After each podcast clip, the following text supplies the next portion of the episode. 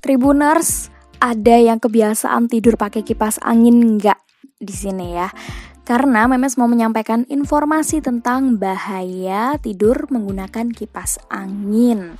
Jadi sebagai negara yang dilewati garis ekuator, Indonesia selalu disinari matahari sepanjang tahun. Suhu hangat bahkan cenderung panas adalah teman akrab kita sehari-hari. Untuk menyejukkan ruangan, kipas angin pun dipilih banyak orang karena harganya terjangkau dan hemat listrik. Dari segi kesehatan, apakah aman tidur pakai kipas angin menghadap ke badan?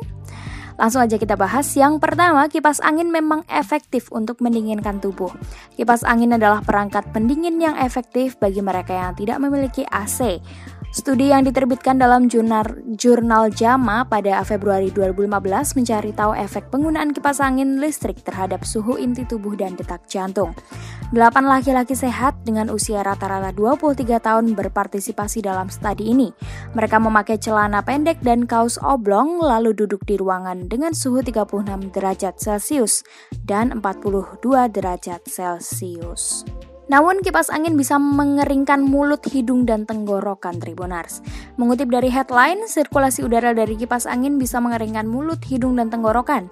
Ini bisa menyebabkan produksi lendir atau mukus berlebihan, lalu memicu sakit kepala, hidung tersumbat, sakit tenggorokan, dan mengorok. Ada beberapa cara untuk menghilangkan lendir berlebih seperti minum lebih banyak air menggunakan pelembab udara, menghirup aroma kayu putih, berkumur dengan air garam hingga memakai obat semprot hidung dan dekongestan. Yang selanjutnya bisa memicu alergi pada sebagian orang.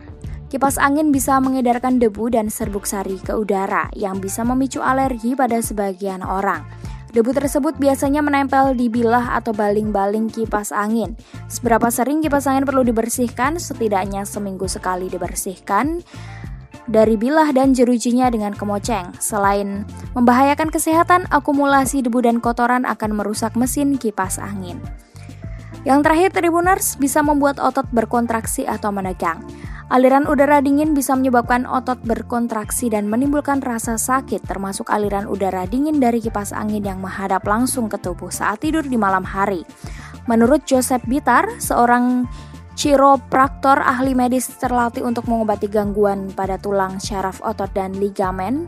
Dalam laman Sleep Jangkis, udara dingin mengenai leher dan berpadu dengan keringat bisa menyebabkan kram pada otot leher dan sekitarnya.